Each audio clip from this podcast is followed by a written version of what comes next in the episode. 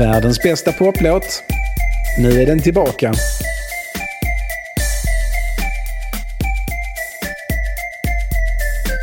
Vilken är bäst? Vi måste ha svar. Jag ligger vaken på natten, jag får ingen frid. Men det svaret är här utanför. Det är bara en fråga om tid, ja!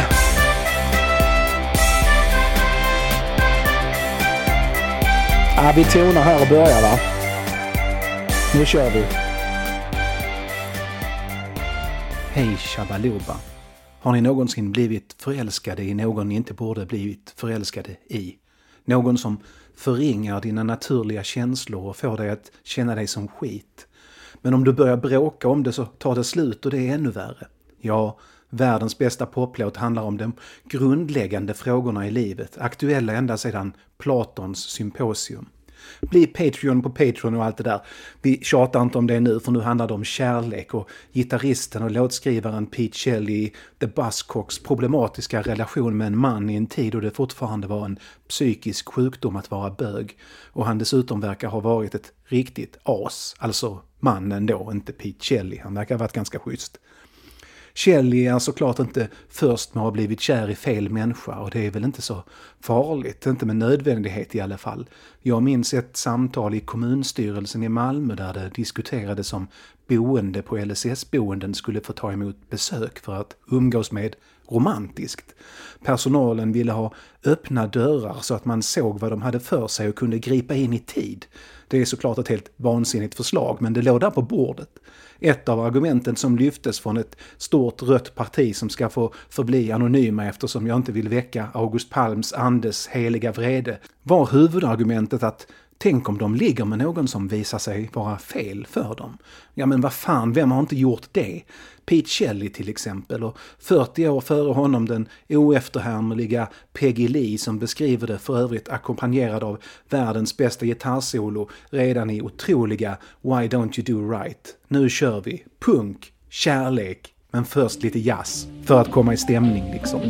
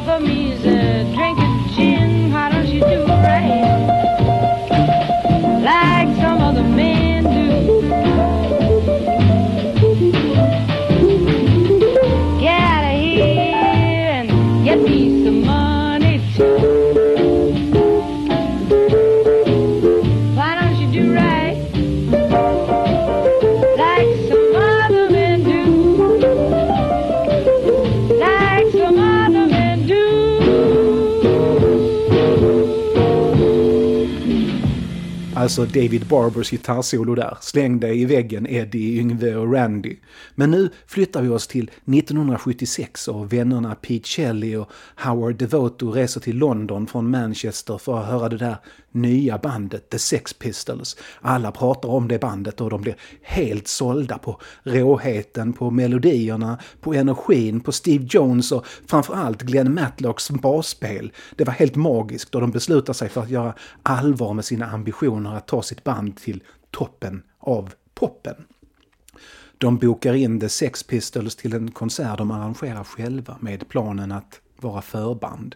Det blir inget av det där förbanderiet eftersom de inte har lyckats hitta några andra musiker att spela med. Men de hade ett namn och det är ju halva grejen liksom. The Buzzcocks, efter den porraffär Shelley arbetade i konserten i sig blev legendarisk. En sån där, där alla som var i publiken bildade egna band. Eller ja, över tusen personer säger sig ha sett The Sex Pistols på den där spelningen i Manchester i början av 1977. Trots att lokalen som bara tog 150 personer var mindre än halvfull. Som Woodstock, du behöver inte ha varit där för att ha varit där. Men The Buzzcocks var där och det som ska bli Joy Division och Simply Red, så det blev några band av det i alla fall. Shelley var inte hemlig med sin sexualitet, han var bisexuell. Men det var en tid då även om glamrockens många gestalter flörtade med det androgyna, kanske mest av allt David Bowie, så var det i princip bara Tom Robinson från Tom Robinson Band som faktiskt visade att han gillade killar. Producenten Martin Hannett, som på många sätt utgjorde navet i Manchesters musikscen, upptäckte dem och så spelade de in sin debut-EP. Genomslaget kom direkt.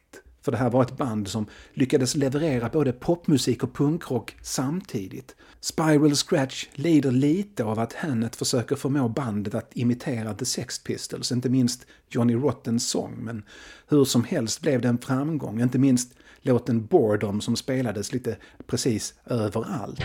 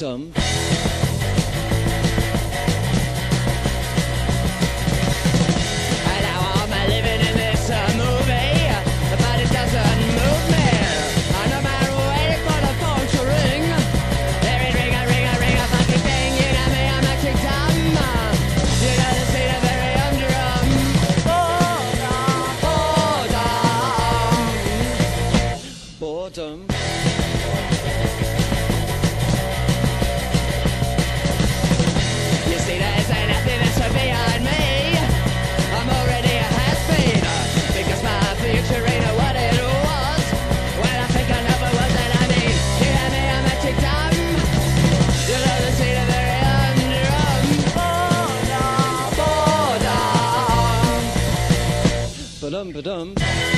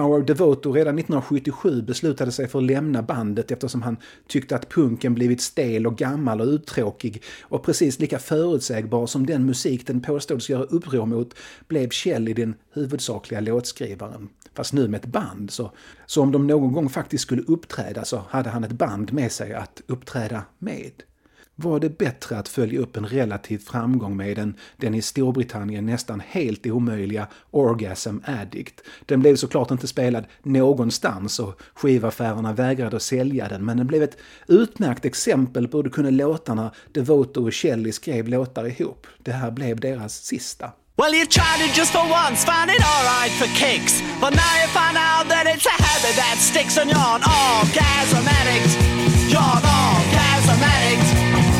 Sneaking in the back door with dirty magazines. So your mother wants to know what all the stains on the jeans. And you're an orgasm addict. You're an orgasm addict. Uh huh. Uh huh. Uh huh. Uh. You're getting the heat, you're getting assault, but you still keep it beating. You meet to pulp and you're an orgasm Casanova, you're a no Joseph. It's a live on a fucking yourself to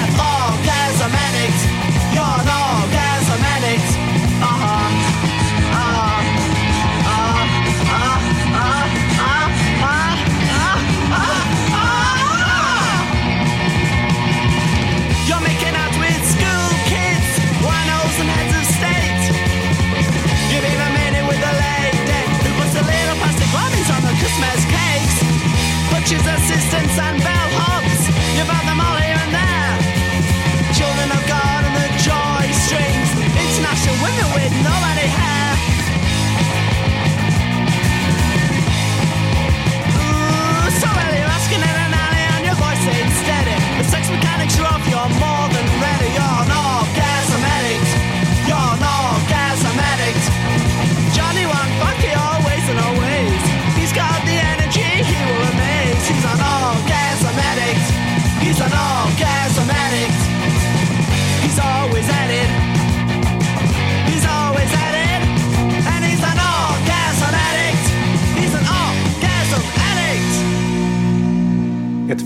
fantastisk rim det där. He's an orgasm addict and he's always at it. Eller ja, det rimmar ju egentligen inte, men när man sjunger det rätt så då rimmar det ju. Precis som allt. Men som man säger i branschen, no commercial potential. En annan producent, Martin Henschel, såg dock potential och övertalade sin arbetsgivare United Artists att inte bara satsa på bandet utan också ge dem rimlig studiotid. Vilket inte minst var viktigt eftersom de faktiskt inte hade några låtar. Så de behövde ju skriva dem också. Så in i studion för att spela in LPn Love Bites. Och det går bra. I alla fall tycker både skivbolag och producent det. Låtarna är betydligt mer publiktillvända. Sångtexterna gör inte skivan helt osäljbar, i alla fall inte alla. Det enda de saknar är en singel. En som inte är singel är Pete Shelley som lever i vad han senare beskrev som ett extremt destruktivt förhållande. Ett som leder till att han ofta sover ute i sin bil istället för hemma i lägenheten. En kväll, faktiskt hemma, sitter han tillsammans med pojkvännen och tittar på en av många filmatiseringar av Guys and Dolls. I den här versionen får Marlon Brando frågan från sin tjej om han aldrig har blivit kär i någon han inte borde blivit kär i. Det där är en bra låttitel, tänkte Shelley, tog sin gitarr och gick ut i bilen. Det var för övrigt också något nytt för den här skivan. Shelley skrev numera på akustisk gitarr och inte elektrisk. Låtarna blev elektriska först i studion sen. Precis som alla andra i landet var han hänförd av The Undertones Teenage Kicks. Men, men trots att han bara var knappt ett år äldre än The Undertones tyckte han att de förenklade saken alldeles för mycket. Visst, Teenage Kicks är ju kul och så, men förr eller senare blir någon kär och inte sällan Kelly, Och då får den andra partnern makt över honom. Han ville skriva en låt som låter som en uppföljare till Teenage Kicks, men som också är ett svar. Han skriver den på knappt en timme innan han somnar i bilen.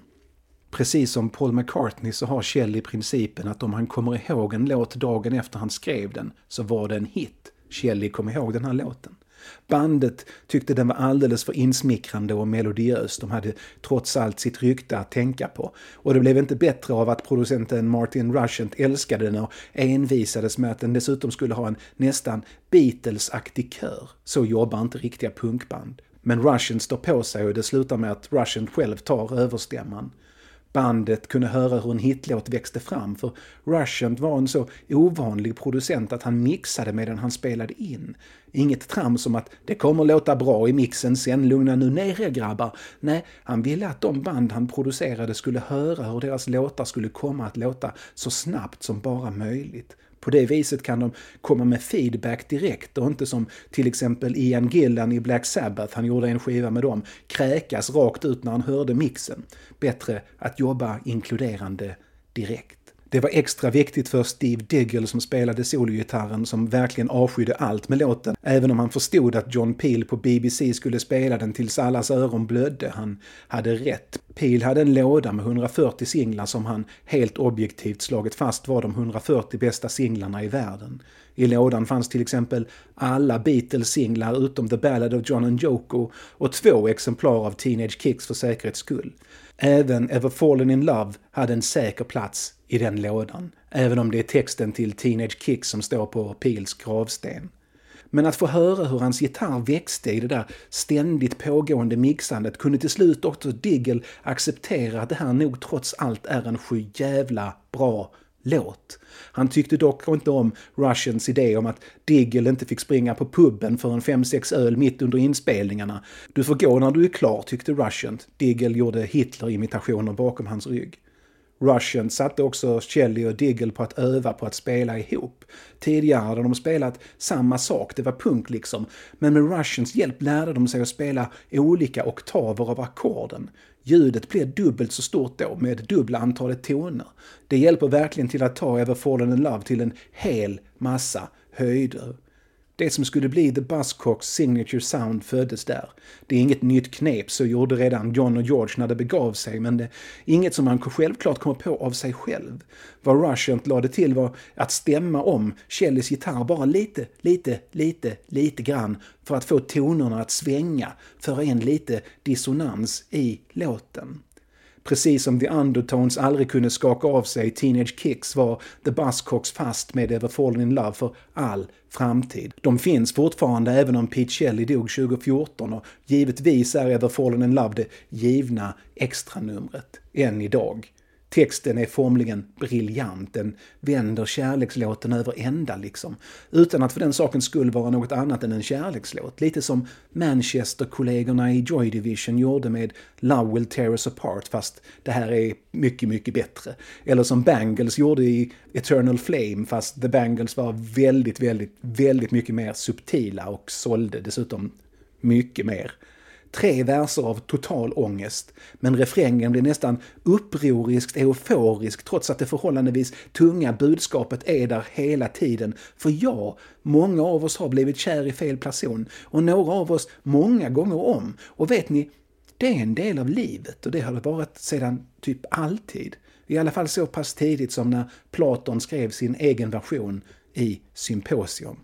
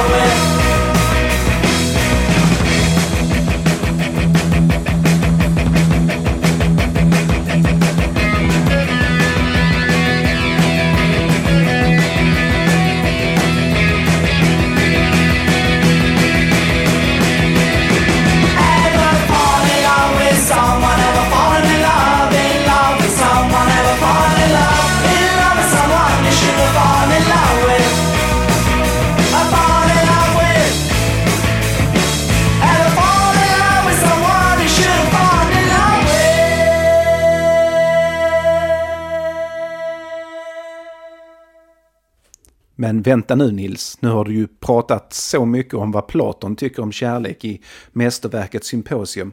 Ja, det har jag. Ska vi ta några minuter och prata om det då? Klart vi ska. Så now for something completely different.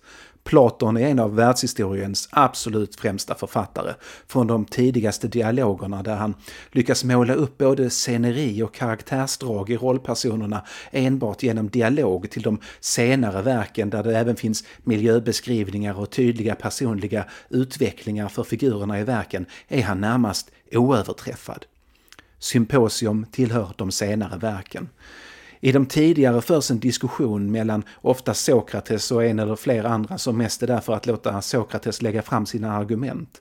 De stackare som inte är Sokrates i de här dialogerna finns mest till för att komma med antingen motargument, inte sällan ganska dåliga sådana, eller oftast bara på att svara på Sokrates frågor medan han genom sin intelligens lyckas dra någon sorts sanning ur det hela. Underbar läsning, allihopa.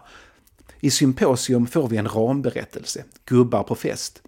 En verkade väldigt blöt tillställning för övrigt och under middagen och drickandet, det är mycket drickande, utmanar de varandra att hålla varsitt hyllningstal till kärleken. I den grekiska versionen används ordet eros men det är svårt att använda i översättningar eftersom i de flesta moderna språk gör vi en uppdelning mellan erotik och annan kärlek. Någon sådan uppdelning finns inte i Platons text och dessutom är eros en gud enligt i alla fall några av gubbarna. Gubbarna är kändisar. Platon skrev gärna om kända personer eftersom hans dåvarande publik redan hade kunskap om deras eventuella karaktärsdrag. I Symposium finns det gubbar som inte ens levde samtidigt men man kan ändå anta att Platons läsare visste vilka de var.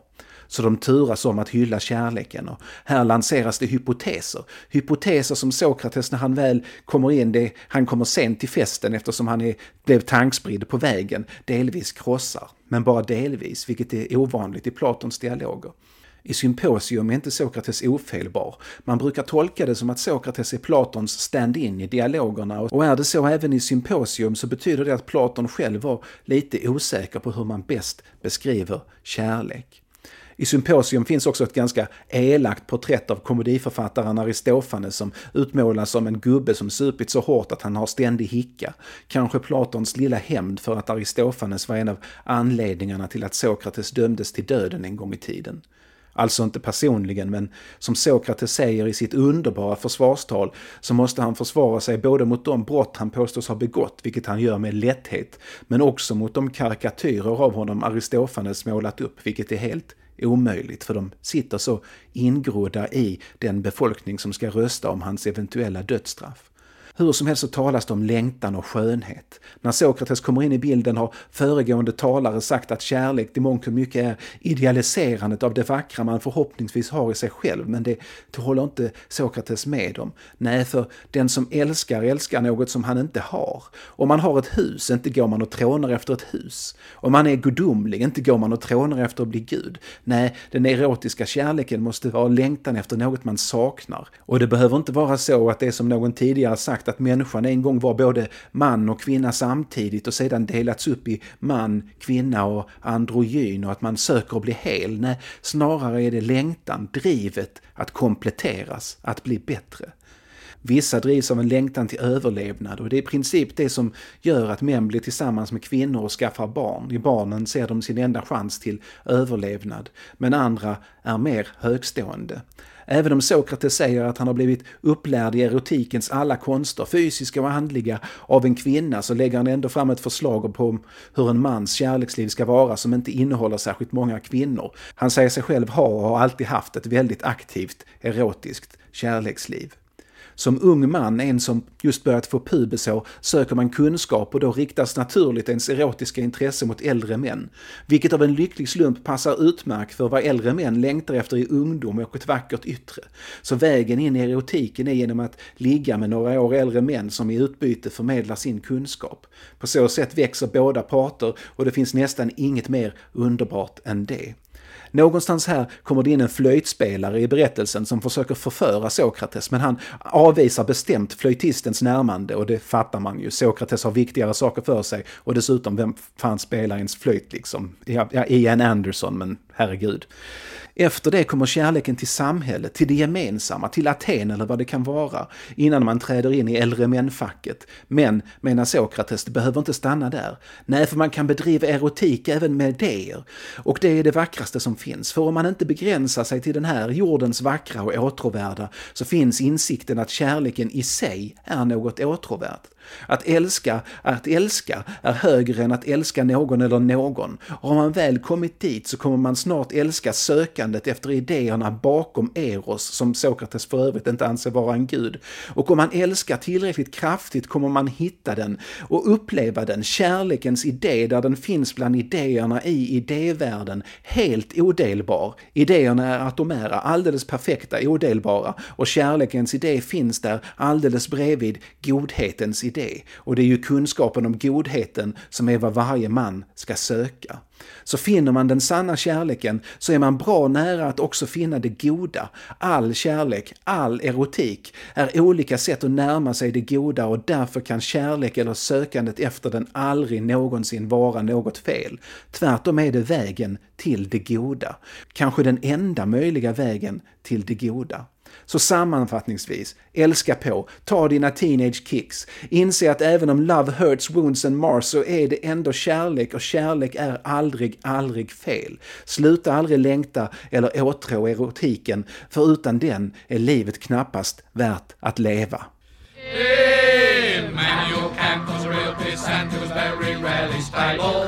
Stable. Heidegger, Heidegger was a boozy beggar who could think you under the table. David Hume could outconsume Wilhelm Friedrich Hegel. And Wittgenstein was a beery swine who's just a schloss Schlegel. There's nothing Nietzsche couldn't teach about the raising of the wrist. Socrates himself was permanently pissed. John Stuart Mill of his own free will on half one shanty was particularly ill. Later they say could stick it away. Half a grade of whiskey every day. Aristotle, Aristotle was a bagger for the bottle. Hobbes was fond of his dram. And Rennie Descartes was a drunken fart. I drink, therefore I am. Yes, Socrates himself is particularly missed. A lovely little thinker, but a bugger when he's pissed.